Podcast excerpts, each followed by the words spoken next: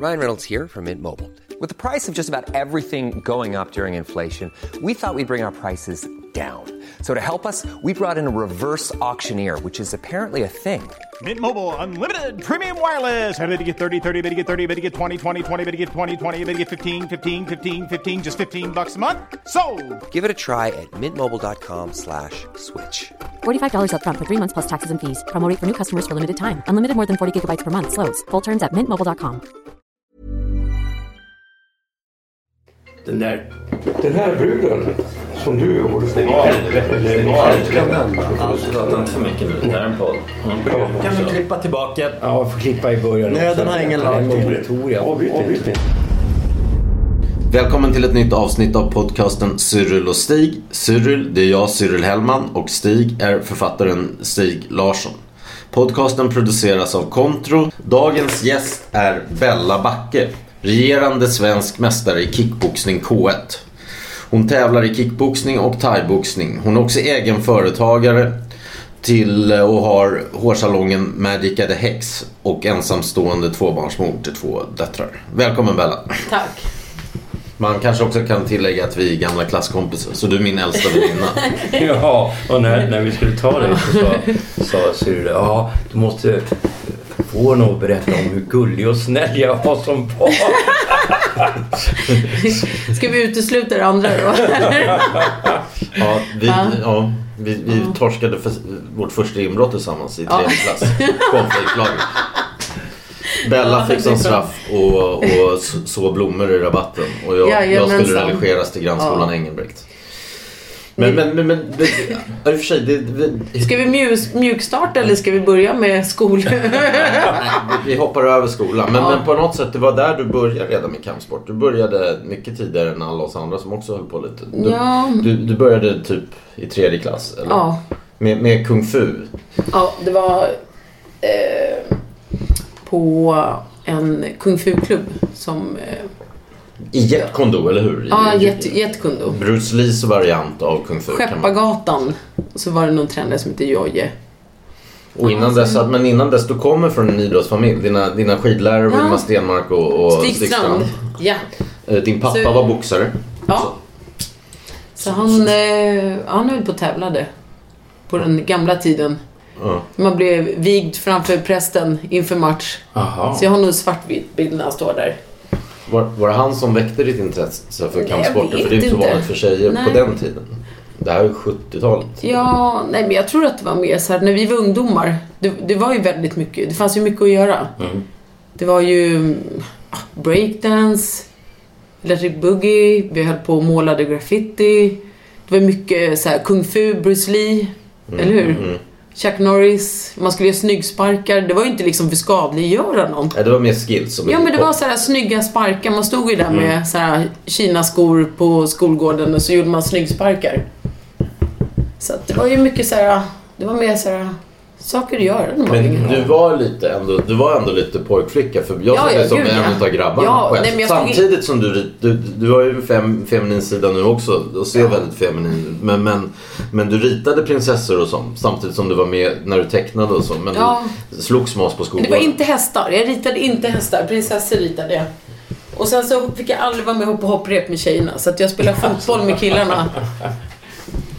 Ja, så att... eh, Känner du igen den typen av tjejer från din skolgång? Ja, alltså det, det var lite senare. Så var det en tjej. Eh, Men du är ju inte lesbisk, men hon var öppet lesbisk. Jag lärde känna henne i nian. Och vi betraktade henne som kille. Hon var en av mina närmaste vänner då alltså. Och eh, hon såg väldigt bra ut som kille liksom, men var mycket större än vad vi andra var. Så hon var väldigt stor och kraftig. Mm. Eh, och det här var ju länge sedan, vet du. Det här var ju 71. Mm. Så det var ju... Men alltså vi, vi tyckte det var helt coolt. Fast jag kommer ihåg på 80-talet, det var ju så här. Man skulle ju vara väldigt killig. Det var ju så här 501 Levi's jeans och Mm. t-shirt och vänskor. Mm. Tycker jag. Alltså, det var ju, ja, men det var ju så här, Jag kommer ihåg de tjejerna i skolan som hade cykelbyxor. De var ju så här. De var ju billiga tjejer. som visar formerna. Man skulle ju liksom... Mhm. Ja, Det just var ju mycket, så. ja men det var så här. Det, det var inte alls att man hade bh med push-up och... Det var väldigt så här kill... Mm. Ja men man skulle vara så här bra... bra tjej. Tror jag. Inte sådär vulgo. Ja, men det, alltså, Jag det, tror- det jag tror det är att generationer, man snackar om generationer. Mm. Men generationer är egentligen så här klusters på, låt säga fyra år. För det är de man umgås, eller tre år, det är de man umgås med när man går typ på högstadiet. De är inte så här sex år äldre. Utan de är liksom, tycker, bara två år äldre kanske. Och, eller två år yngre. Mm. Beroende lite grann på vilka de är och, ja, vilka, ja. Mm. Och sen så kommer en annan generation efter den. Va? Och de lär sig av den förra generationens misstag. Va? Ja. Har en annan stil och andra kläder och sånt där. Mm. Och eh, en intressant sak det är ju då Alltså, det, man talar ju om generation X, va? att det skulle vara någon sorts ironisk generation. Och jag tror inte att det har funnits någon sån. Utan jag tror att det Det är där... vi 70-talister Ja. alltså. Du Ja. Ja, ja. Nej, jag tror att det där är ett påhitt av de här gamla vänstermänniskorna. Därför att de, de som var yngre än vad vi var, de var ju mer socialt kompetenta. Och så var de avundsjuka. Ja. Då var de liksom mer stiffa och så. Och så hittade de på det där med den ironiska generationen. Ja. Men det som verkligen hände, det var att efter de som var punkare så kom det en generation som var väldigt ordentliga. Och det är de som är födda 65 ungefär. Och eh, det märkte jag ju liksom, jag snackade med lärare i olika länder och syrran är ju lärare, hon berättade då att, att plötsligt så ville ingen ha, eh, ingen diskuterade, alla ville ha skrivningar med läxor. Eh, och de vill göra karriär. Va? Och det handlar ju då om att man lär sig av ja, de som är lite äldre, alla som bildade punkband och så. Det gick ju inte så jävla bra för allihopa. Nej. Be- be- Berätta då Bella ändå. För, för du, du, i, I fjol var det första gången du tog SM-guldet. Nej, jag tog det året innan Året också. innan. Ja. innan. Tre, Och sen alltså, så men kämpade jag några år med något silver. Precis, för det är, Ja. ganska, det är ganska sent. Man, Ja. Du är ju elitidrottsman man, eller kvinna Mm. och, och eh, bäst i Sverige då. Du blir det då alltså 42 år gammal. Det är ganska sent upp i åldern. Va, va, fick innan fick du ja, silver 43, igen? eller? 44 var Hur det. länge har du kämpat för det här guldet? Var det? Ja. ja, man kan säga 10 år. 10 år har jag liksom hållit på med kickboxning. För att jag hade ju en liten break där när jag fick barn. Ja. Födde barn i fem år nu. Det är Du har två döttrar, den ena är tonårsdotter och den andra Ja, som min... Den ena är 10 och den ena är 15. Så däremellan så tränar jag ingenting nästan. Var jättesvårt att komma tillbaks. Ja. Men så började jag på Stockholms kickboxning så började jag köra lunchpass för det låg nära jobbet. Det var därför jag bytte stil Ja. från kung fu till kickboxning. Kan, kan du bara kort för lyssnaren redogöra. Vad är skillnaden mellan kickboxning, kung fu och thaiboxning? Eh, kung fu... Eh, jag, jag, jag tycker att det är en väldigt lek... Lite mer dans? lite mer lek. Det är Ja, lite mer, man, man luras lite. Man ser inte riktigt var sparkarna ska komma och det är lite snabbare. Eh, vi, vi körde ju på Södermalms Shaolin där, där jag tränade 96 till 01. Eh, och även tävlade för dem i, i kung fu-stil. Där, eh, de använder ju boxning, så klassisk boxning. Men det är väldigt likt taekwondo, att man leker liksom med sparkarna så att det, är så här, det blir låg, låg hög spark i ett. Att man, så här, man skiftar bana väldigt snabbt. Kickboxning har lite den stilen också, men den ligger närmare thaiboxning. Att så här, raka eh, linjer eller liksom hårda sparkar och slag. Eh, Kickboxning är lite snabbare medan thaiboxning är mera eh, hårt och kontrollerat. Och, Och man, du sa också att i thaiboxning är det tillåtet att eh, greppa tag eller köra Ja. med armbågen. ja, man, får, man får greppa spark Mm. I thaiboxning. I K1 kickboxning så får man inte greppa sparkarna i midjan. Eller ta tag i foten. Så det där har jag fått varningar för. I kung fu får man göra det. Där är också grepp. Så det sitter ju väldigt så här, Mm. djupt i mig det här att bara greppa tag i benet. Så att, ja, det blev tre, tre år där jag fick silver, där jag fick varningar. De bara, hur lång tid ska det ta för dig att få bort det? Men det sitter ju i mig sedan jag var liten. Liksom. Men Men- fortfarande rent fysiskt. Man Ja. tycker att, att en sån extrem fysisk sport som kickboxning, att, att, att det ska vara ännu svårare än att bli proffs eller professionell i nå- andra sporter som fotboll och simning och sånt. Och jag kommer ihåg när typ Ludmilla, hon den här svensk-ryska sprinten, när hon gick över till bob så, så dissade ju folk henne, sporten med. Det säger allt om sporten om man tror sig kunna bli mästare med det här 35 år gammal Typ ungefär. Alltså din kropp, du måste ju ha någon extrem fysik då som Zlatan Henke Larsson typ, som kan hålla på så. Eh, Har du inte slitage på? Jag, jag tror att det är så här, min mormor var lapp. Sam alltså. Ja. Hon var same, jag tror det där. Det ligger jävlar anamma och ja, väldigt seniga. Nej men eh, jag har hört att efter 30, om kvinnan fortsätter att träna så har vi mycket lättare för att bygga muskler för att vi producerar mer testosteron. Aha. Medan ni män, ni får lite mage och Ja. chipstuttar. Nej, men att man, man har mycket lättare för att få muskler om, man, om man fortsätter. Men jag tror att det ligger något så här...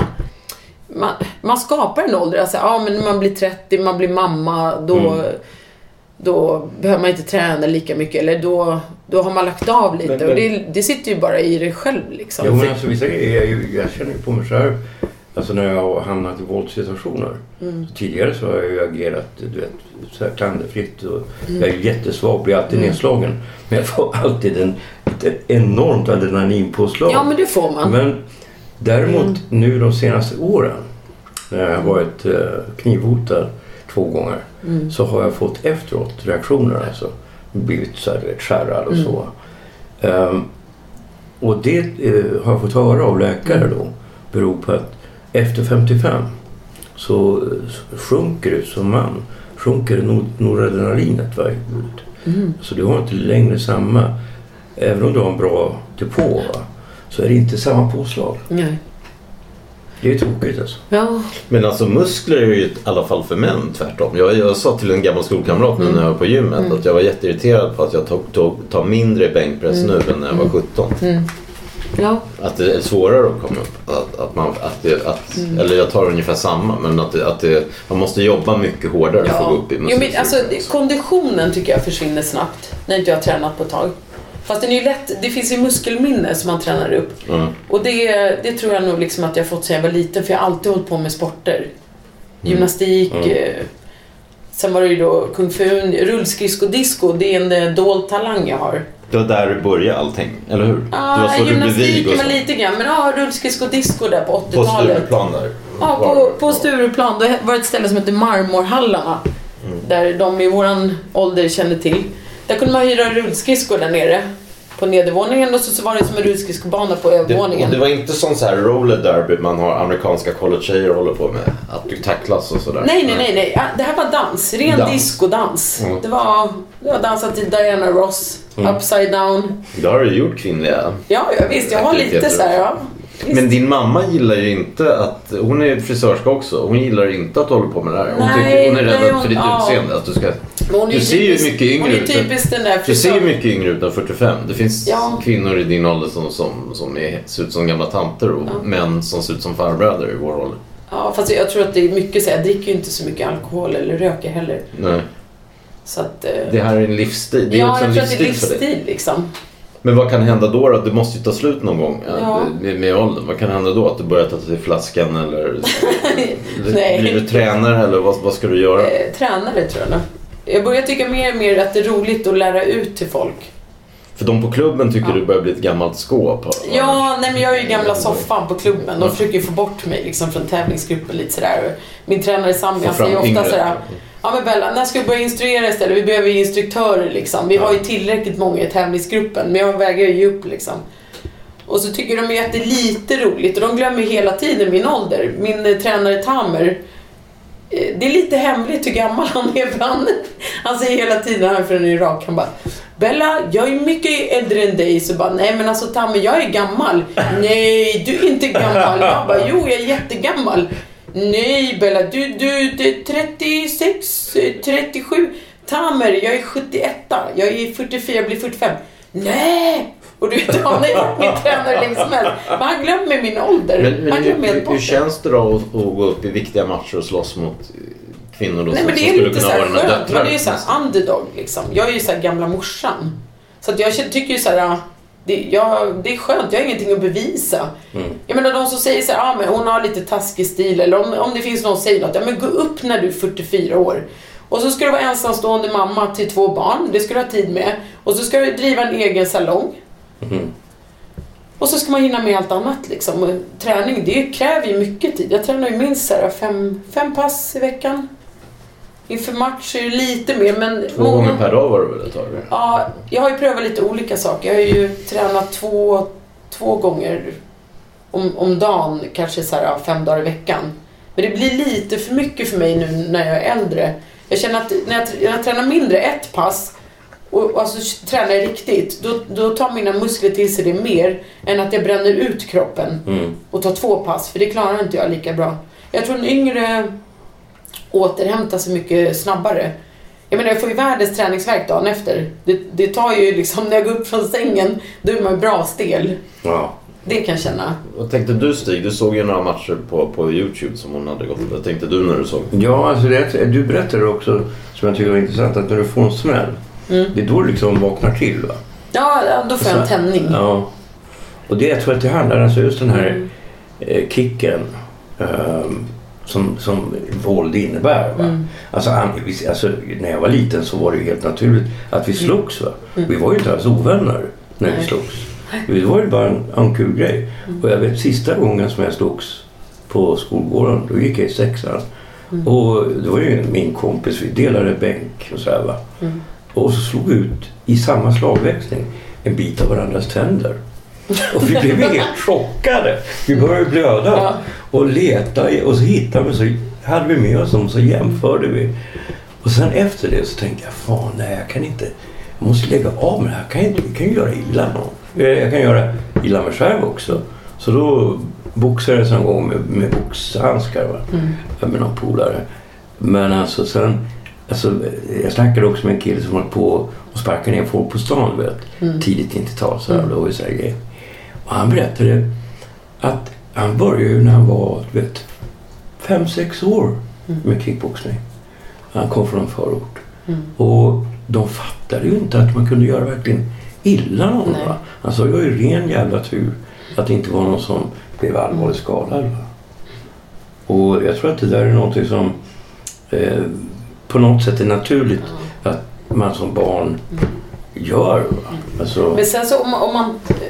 De, de pratar ju mycket om att den här sporten är skadlig. Men alltså största skadegruppen, det är nästan mellangruppen. Om vi pratar i så här nivå på, på våran klubb. Det är så här nybörjare. De står ju bara och slår mitts. Då lär man sig teknikerna. Sen när man går till fortsättningsgruppen. Det är där folk inte riktigt vet om de behärskar tekniker. Och där kan man ju göra illa sig med. Men det är aldrig liksom någon... Ja, men det, det, det skedde faktiskt en olycka för två dagar sedan. Då var det nybörjargruppen när man står och håller mitts. Och så var det tjej vad, som... vad är mitt för något? Mitts, det är de här kuddarna som man står och håller för att man ska kunna sparka på. Mhm. Så att man övar in eh, sparkar och slag. Och så har man, man har ju på sig handskar och så kör man ju inte med benskydd för att man ska ju känna sig fram med sparkarna. Mm. Så när man sparkar i de här kuddarna så Alltså det blir ju rätt hårt. Men då var den här tjejen som höll till den här killen som vägde 90 kilo. Hon var ju rätt lång tjej och tyckte så här, ja, hon, hon kan ju det där. Ja, men jag håller till den här nybörjaren. Och då skulle man sparka i midjan. Och han tror att det är huvudet. Så han sparkar henne i huvudet. Direkt med skenbenet. Så att därför blev det ju skada på träningen. Men annars när man, när man i en fight säger vi.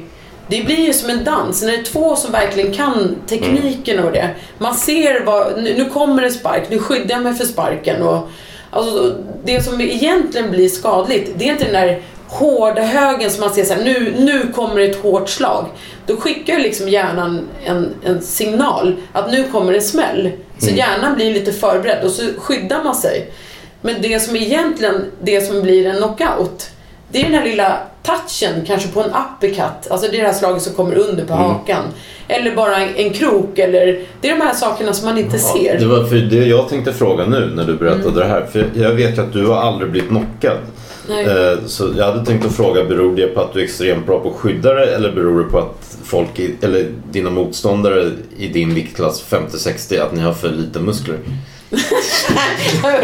Min tränare han bara, du slår ju för fan som en 70 års kilo kille. Du ska ha 14 ounce. Det är ju tjockleken på handskar. Jag ska egentligen ha 12 då, men han tycker 14. Han, det är första gången han tog på sig ett tandskydd också när han skulle sparras med mig. Och då precis innan match också. Jag var såhär, jag är så dålig. Du vet, så här, det, då är det så här, psyket precis innan match. Man kanske bantar, man har tränat hårt, man är helt slut mentalt. Så alltid en vecka innan match, då är man ju helt såhär. Jag stod och bölade och bara Åh, jag är så dålig. Och min tränare bara, alltså Bella, såg du? Jag tog på mig jag tog i ett tandskydd. Jag brukar fan aldrig ha tandskydd. Då var det rätt så här skönt. Ja. Men eh, nej, men det, det är absolut inte så. Utan det man, man ser lite vad som kommer. Eh, Man är duktig på att se bara. Man har öga för att se. Det är ju inte att man kollar ner på en fot och kommer foten. en Utan man läser av från bröstkorgen. Rörelser i kroppen. Man ser liksom. Nu kommer en rörelse från höger och så liksom man, man uppfattar. Man är väldigt snabb så här, blick för, för vad som kommer med träffar. Ja, det går ju att träna upp. Alltså, det är som förr i tiden när man var filmregissör så kunde du inte titta på tagningen direkt efteråt.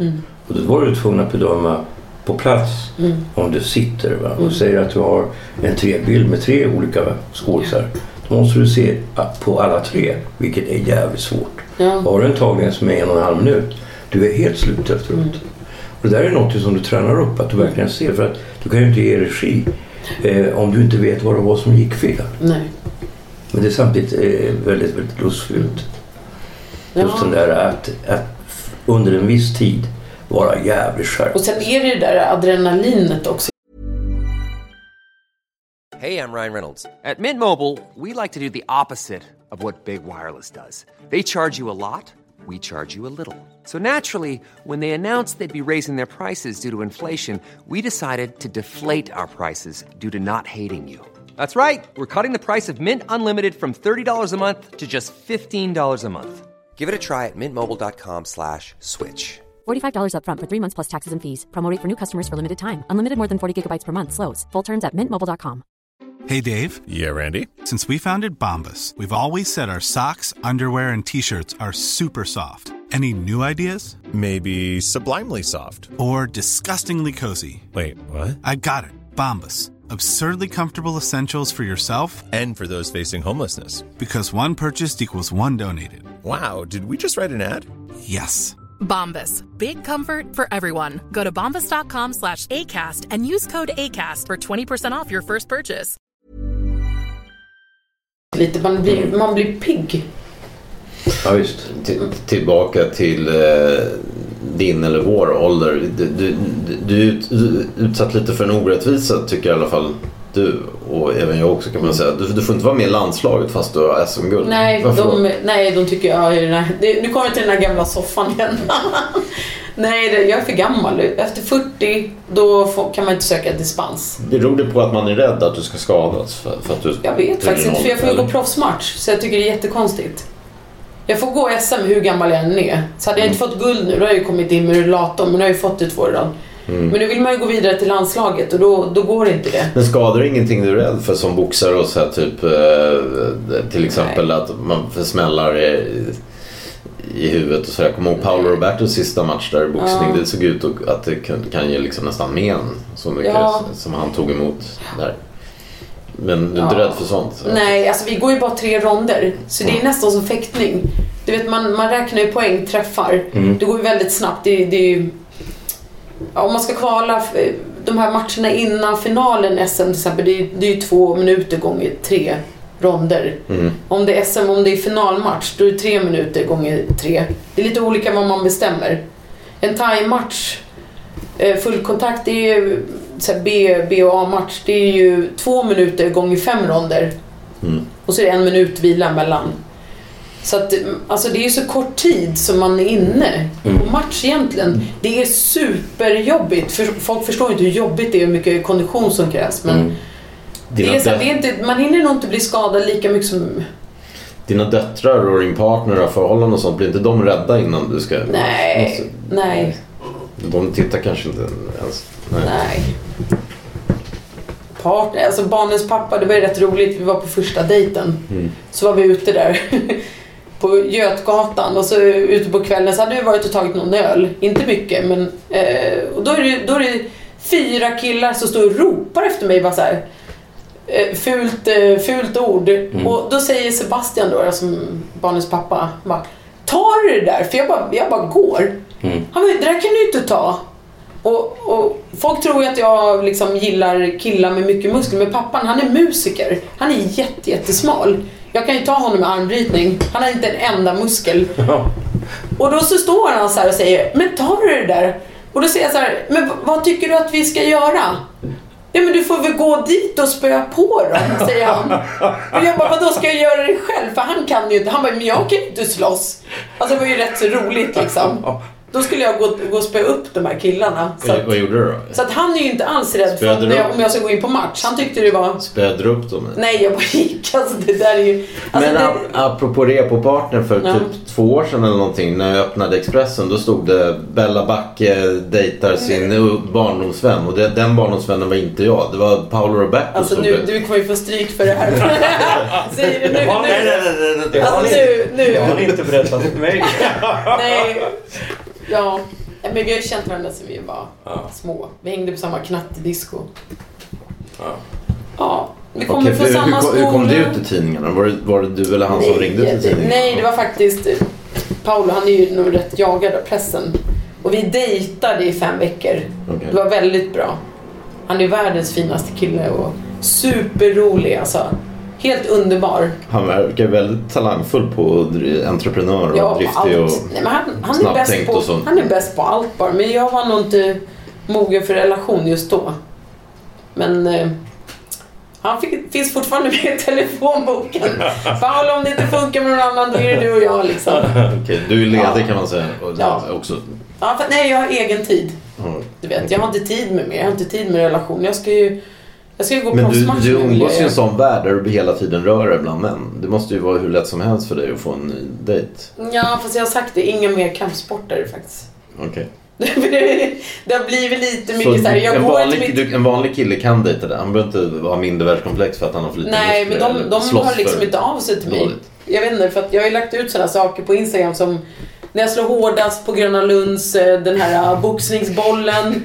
Du vet, jag tar ju killar armbrytning på Instagram och du vet, Ja. sparkar ju och... Jag tror inte det är någon som vågar höra av sig, men det är bara att höra av er. Är du en bra kille?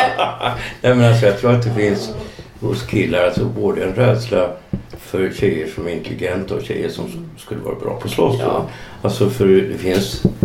Och det där är ju liksom en del av kvinnoförtrycket. Intelligenta kvinnor är flest singlar. Så, så såg jag någon, någon han hade Ja. lagt upp på Facebook. Men hon var väl i och för sig singel hon som har lagt upp den. Men Eller ändå, stark. Jag tror, i, i, alltså, I den här åldern som man är när man är 40, man är rätt så här, trygg i sig själv. Mm. Eller jag tycker, nu börjar jag bli det med den här egentiden jag haft då i 10 månader. Nu börjar jag känna mig så här rätt... Alltså jag har nästan inte ens lust att rubba på den. Tycker det är så här skönt att hänga med kompisar, man tränar, man är med barnen. Mm. Så att, Jo, eh, alltså det är farligt det där. Det, det blir sådär. Alltså, jag har ju varit ensam länge nu. Va? Jag skilde mig när jag var 2008. I och för sig har jag träffat tjejer och så. Men alltså just att gå in i en relation när du börjar vänja dig vid att vara ensam. Jag har ju en katt då. Ja, nej, så det, det, det är liksom... Det är så lugn och ro. Det är lite scary också. Ja, det är det ju. Gud ja. Det är jätteläskigt. Fast, inte, fast jag har sagt det, nästa relation, det ska bli den här killen som man lär känna och Mm. man blir bara som en vän. Att allting är så lugnt och skönt. Mm. Och sen så bara helt plötsligt börjar man bli intresserad av den personen. Att det känns som man, man saknar den och så är det som man är med sig själv. Mm. Det ska inte ta någon energi.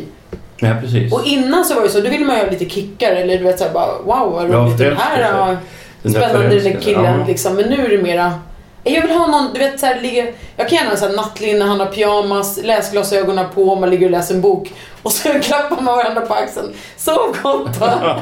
Nu kommer ingen höra av sig till mig. nej, Nej, men, men- nej men alltså jag tror att det, jag, jag har ju märkt det på mig själv att du påverkas ju av att vara ensamma. Mm. Och även till på, på ett negativt sätt. Att Mm. du, det bryr dig om vissa grejer och sådär. Va? Uh, jag menar som kille då, Mm. du kanske inte har så jävla städat hemma. Ja. Och så.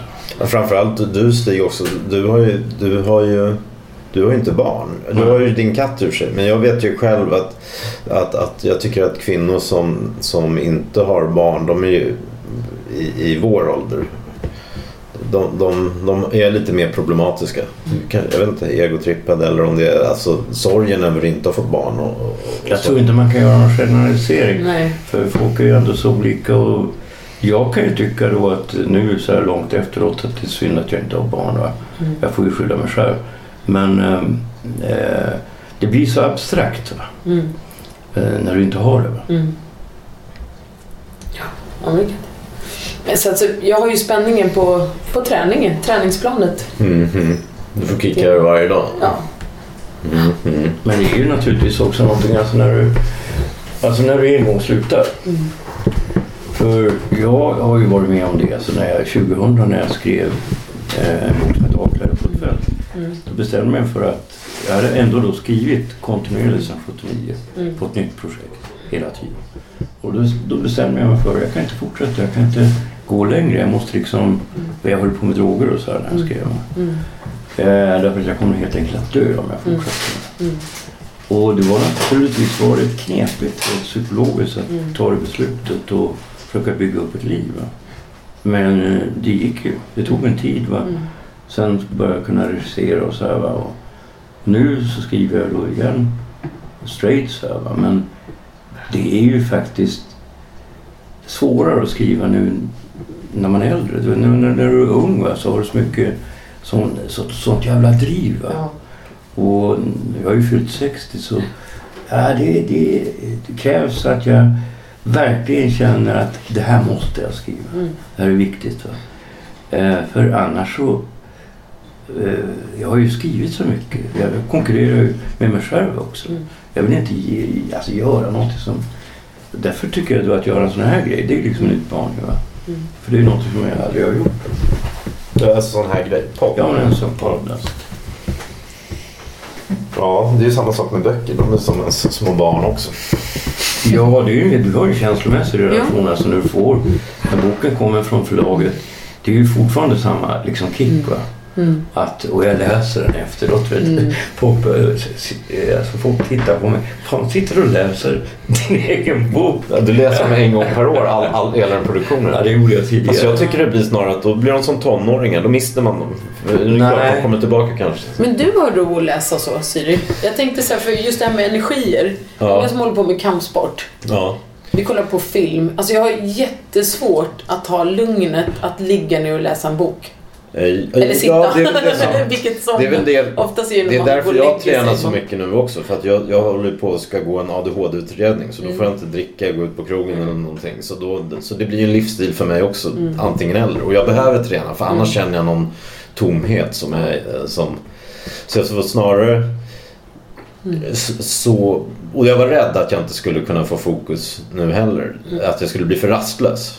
Om jag då skulle ha ADHD. Men jag tycker att jag kan läsa och så. Jag, tror inte att du har ADHD. Det där är bara ett påhitt. Det är diagnossamhället. Ja, men det är så, alla har ju då... Fast energier, jag brukar inte säga ADHD, jag- energier. Ja. Det är den här, jag har alltid sagt så här, det finns två sorter. Det finns den som går och hämtar fjärrkontrollen och så finns det den som sitter i soffan och säger, skulle jag kunna få fjärrkontrollen? Jaha. Jag går och hämtar fjärrkontrollen, vatten, du vet allt. Ja, men du har mer sån rastlös energi. För du går, när man har varit hemma hos dig, så här, du går ju städar och plockar. Ja, ja, gud, jag kan inte vara, nej, men jag kan inte Du ser still. stökigt jag Pratar i har. telefonen, då är det så här, det är med hörlurar och så håller jag på och diskar eller städar eller fixar liksom. Ja. Men jag har nog att jag hela tiden måste aktivera mig. Och på det sättet kanske lite ADHD. Att jag gillar att ha en dag- strukturerat vad jag ska göra. Pang, pang. Mm. Ja, men ordning också. Ja. Det är också någonting. Det har jag ju inte när du ser med, med städning och sådana grejer. Men jag har ordning i, i mitt Ja, men arbete. i- Ja, i arbete. Eller liksom att man... Ja. Ja, men man har väl olika personligheter. Jag menar, när vi lärde känna varandra så märkte jag, vi har ju då arbetat med en del filmprojekt och så här Mm. ihop. Så eh, funkar det bra därför att vi kompletterar varandra. Han är mycket bättre än jag på att beskriva våld. Va? Mm. Jag är antagligen bättre på att beskriva normal dialog. Va? Mm. Eh, men alltså just det där med att han har då mer energi än vad jag har och det smittar av sig. Mm. Jag tycker överhuvudtaget att det är roligt att när man jobbar med filmmanus så jobbar man ofta ihop med någon. Mm. Och då kan det vara så att man sitter runt en dator. Jag minns när vi höll på med Metropia. Då satt vi oftast i Spanien Mm. och på ett hotell. Metropia och Torksalet. Den annan du har dejtat. Du ska att om Alltså. Fan, det har jag kommit på. Tarik, det är ingen fighter.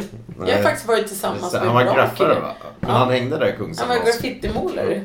Tarik Saleh. Ja. Det är också en mycket bra kille. Ja, jo men alltså du vet, han var ju bra på... Eller hur? Visst har jag bra smak? Ja, det måste jag säga. Ja. Men alltså du vet, eh, Tarek han var ju bra på...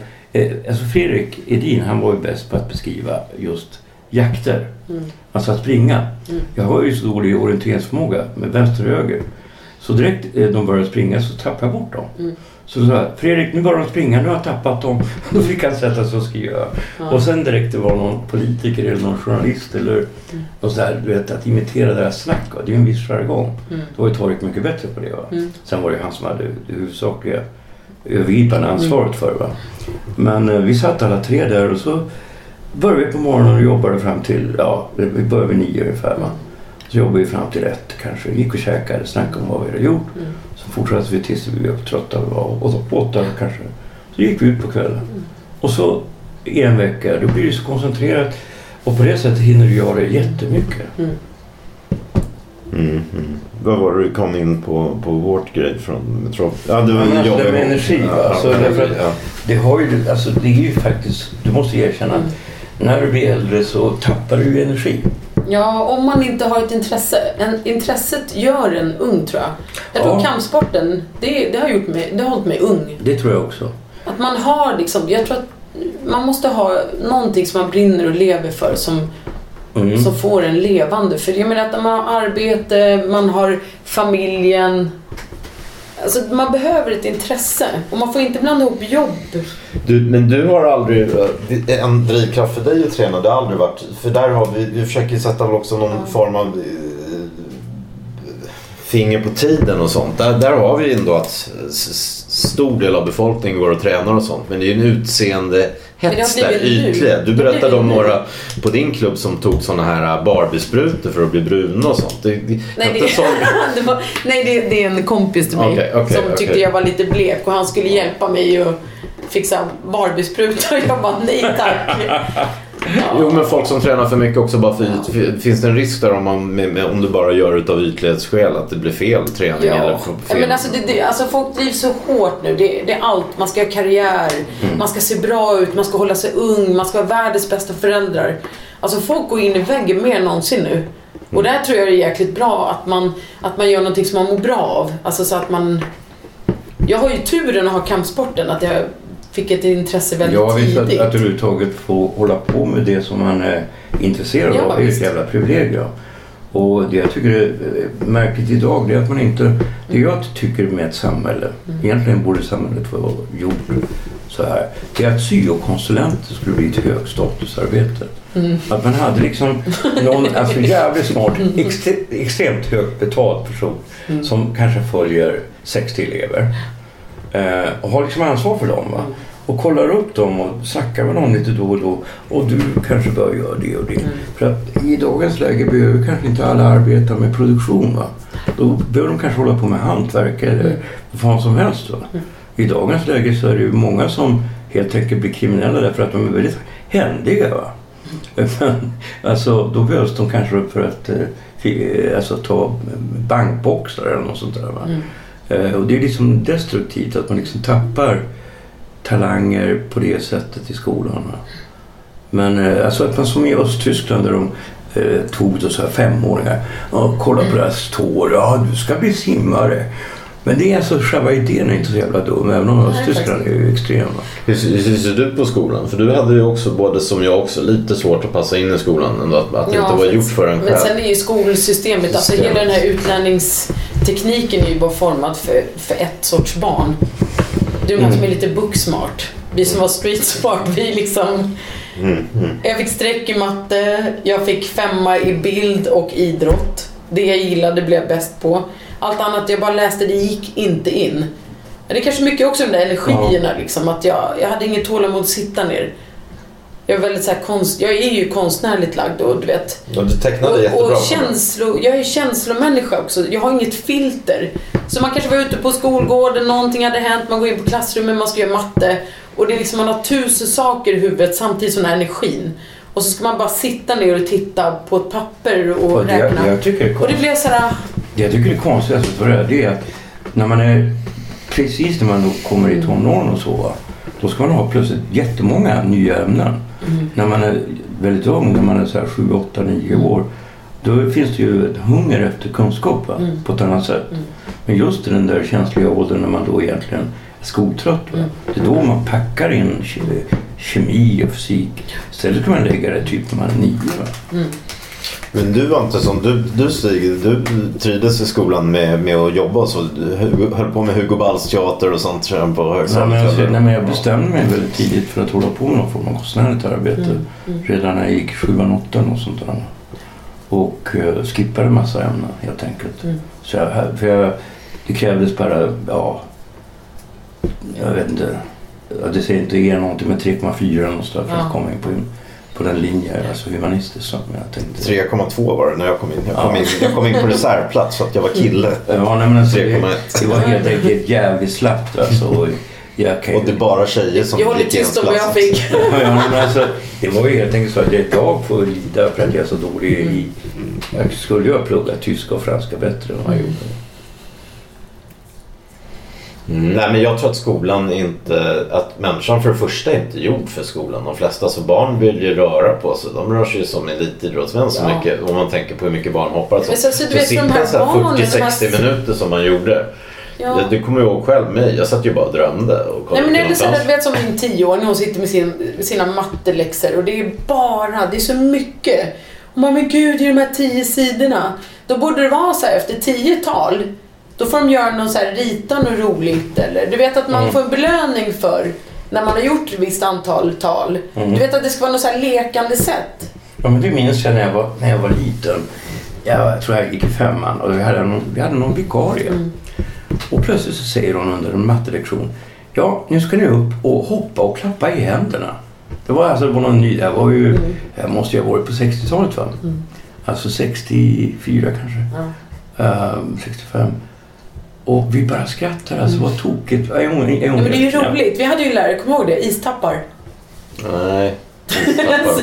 Då, den lektionen Jag kommer skolkade ihåg vi på kristna den där Ker- Kerstin Ja. Kerstin Almgren, vi fick Det var hon som var galen. Vi bara fick religion. Hon skulle skicka mig till Frälsningsarméns hem. Ja, Vi försökte hon herregud. få uppfostringsanstalt. Mikael Weinius som är numera en väldigt känd ja, operastjärna. Världsberömd operastjärna. Åh, Mikael kom fram till orgeln så får du spela. Så sjöng hon. Så satt vi bara där. Vi höll på att dö. Och jag hade bra sångröst. Hon hade ju de här... äh, Eh, det där tror jag den här Ovidio på Lights trauman ligger. Han gick ju samma i vår parallellklass. Vi, Oliver som var som, vars pappa är afrikan-amerikan. Han fick spela apa och jag fick så sjunga Apan heter Jocko från Marocko. Och Micke Weinius spela, och Weinius fick spela Alltså, det är sjukt. orgel. Och jag kommer inte ihåg varför blev hon så sur för Olivers mamma ryckte honom därifrån på avslutningen. Men det förstår ju liksom. Hon hade ingen pejl. Sen fick Nej, det var helt, alltså, jag tyckte ju så här, vissa fick jobba, vissa fick jobba lite för länge. Hon var ju över pensionsåldern. Ja, ja. Vi knäckte henne i och för sig. Vi, fick, vi fick Barbro Lindgren sen, författaren, halva tiden. Som vi, Mm. då vi var vi ute efter att knäcka henne. Vi lyckades nästan har jag för mig. Ja, jag fortsatte i en annan skola då, eller eh, klass, för jag gick ju om i visst. fyran. Det var ju ett, Ja. sorgligt avsked med dig och mig emellan. Mm. Men vi, Så jag hamnade i en plugghästklass. i samma skola i alla fall. Ja. Mm. Men jag tror att vi är klara nu. Ja. Mm. Okej, men då tackar vi för oss idag. Mm. Tackar Bella som har kommit hem till mig Ungefär fem minuter sedan. Tack så mycket. Nu ska Cyril få stryk. Du ska få för Paolo Roberto och Tarik Saleh. Nej, nej. Ska du säga, ska du säga hej då till alla? Säga att du har haft ett bra liv. Jag måste springa. Hi, I'm Daniel, founder of Pretty Litter. Did you know cats tend to hide symptoms of sickness and pain? I learned this the hard way after losing my cat, Gingy. So I created Pretty Litter, a health monitoring litter that helps detect early signs of illness by changing colors, saving you money and potentially your cat's life. Pretty Litter is veterinarian developed, and it's the easiest way to keep tabs on your fur baby's health right at home. Go to prettylitter.com and use code ACAST for 20% off your first order and a free cat toy. Terms and conditions apply. See site for details. Planning for your next trip? Elevate your travel style with Quince. Quince has all the jet setting essentials you'll want for your next getaway, like European linen, premium luggage options, buttery soft Italian leather bags, and so much more. And is all priced at 50 to 80% less than similar brands. Plus, Quince only works with factories that use safe and ethical manufacturing practices. Pack your bags with high-quality essentials you'll be wearing for vacations to come with Quince. Go to quince.com slash pack for free shipping and 365-day returns.